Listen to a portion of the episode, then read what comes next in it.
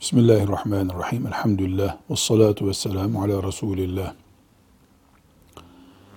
Resulullah sallallahu aleyhi ve sellem Efendimizin size bunu tavsiye ediyorum, emrediyorum, yapmalısınız, yapmanız gerekiyor, Allah böyle istiyor diye bize emir buyurduğu şeylere sünnet diyoruz. Veya ashab-ı kiramın Resulullah sallallahu aleyhi ve sellem şöyle yapardı, şöyle otururdu, şöyle kalkardı, şuna dikkat ederdi, şöyle yapmamızı isterdi şeklindeki nakillerine de sünnet diyoruz. Sünnetlerin bizim açımızdan uygulanması dikkate alındığında iki ana gruba ayrılmaları mümkündür. Birincisi Resulullah sallallahu aleyhi ve sellem Efendimizin o yaşadığı toplumda insan olarak yapması tabii olan şeyleri yaptığı için bize nakledilen bilgilerdir. İkincisi de Resulullah sallallahu aleyhi ve sellem Efendimizin peygamberliği gereği yaptığı, bize tavsiye ettiği, yapın dediği şeylerdir. Resulullah sallallahu aleyhi ve sellem Efendimizin sünnetinin bu şekilde ikiye ayrılmasını yemek üzerinden örneklendirebiliriz. Bize sağ elimizle yemek yememizi, sol elimizi ağzımıza lokma götürmede, bardağı alıp su içmek için ağzımıza götürmede kullanmamamızı emretmiş, tavsiye etmiş, uygulamıştır.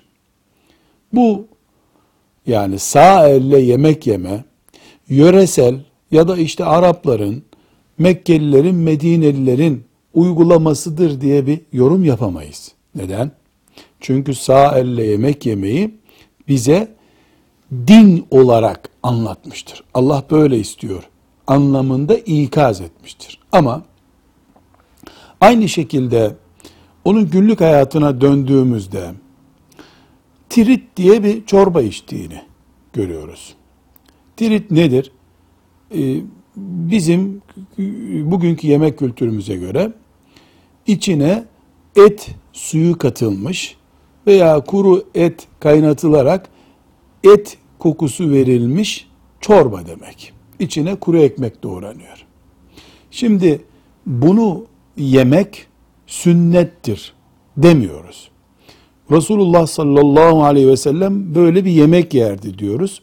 Çünkü börek bilmiyordu. O toplumda börek yeme kültürü yoktu. Pirinç pilavı kültürü yoktu. Yani bir yöresellikten o zamanki e, imkanlardan yola çıkılarak yaptığı uygulama var. Bu bizim için bir bilgidir. Peygamber aleyhisselam efendimizin e, kimliğinin, hayat tarzının bilinmesi açısından faydalı bir bilgidir. Bu kadar. Ama sağ elle yemek böyle değil. Sağ elle yemeği teşvik etmiştir. Müslümanın sakalı, şu erkeğin yüzünde biten sakalı ile ilgili duruma gelince Resulullah sallallahu aleyhi ve sellem sakallı idi. Müşrikler de sakallıydılar. Çünkü erkeklik olarak sakallı olma durumu söz konusuydu. Biz çıkıp sakal o zamanki Arap kültürüydü diyebilir miyiz? Diyemeyiz. Neden? Çünkü sahih hadisi şeriflerde Resulullah sallallahu aleyhi ve sellem sakal bırakın, müşriklere benzemeyin diye ikazlarda bulunmuş. Bu ikazlarda sakalı yani Müslüman erkeğin sakalını Arap yöreselliği seviyesinden alıp Müslümanlığın simgesi haline getirmiştir. Bu durumda sakal Resulullah sallallahu aleyhi ve sellemin ümmetine emirlerindendir. Müslüman erkeğin sakallı olması gerekmektedir. Peki sakallı olmamak dinden çıkmak mıdır? Hayır. Sakallı olmamak dinden çıkmak değildir. Ama sakalı emreden hadisi şerifleri, Peygamber aleyhisselamın bu konudaki kimliğini inkar etmek dinden çıkma tehlikesi ortaya koyar.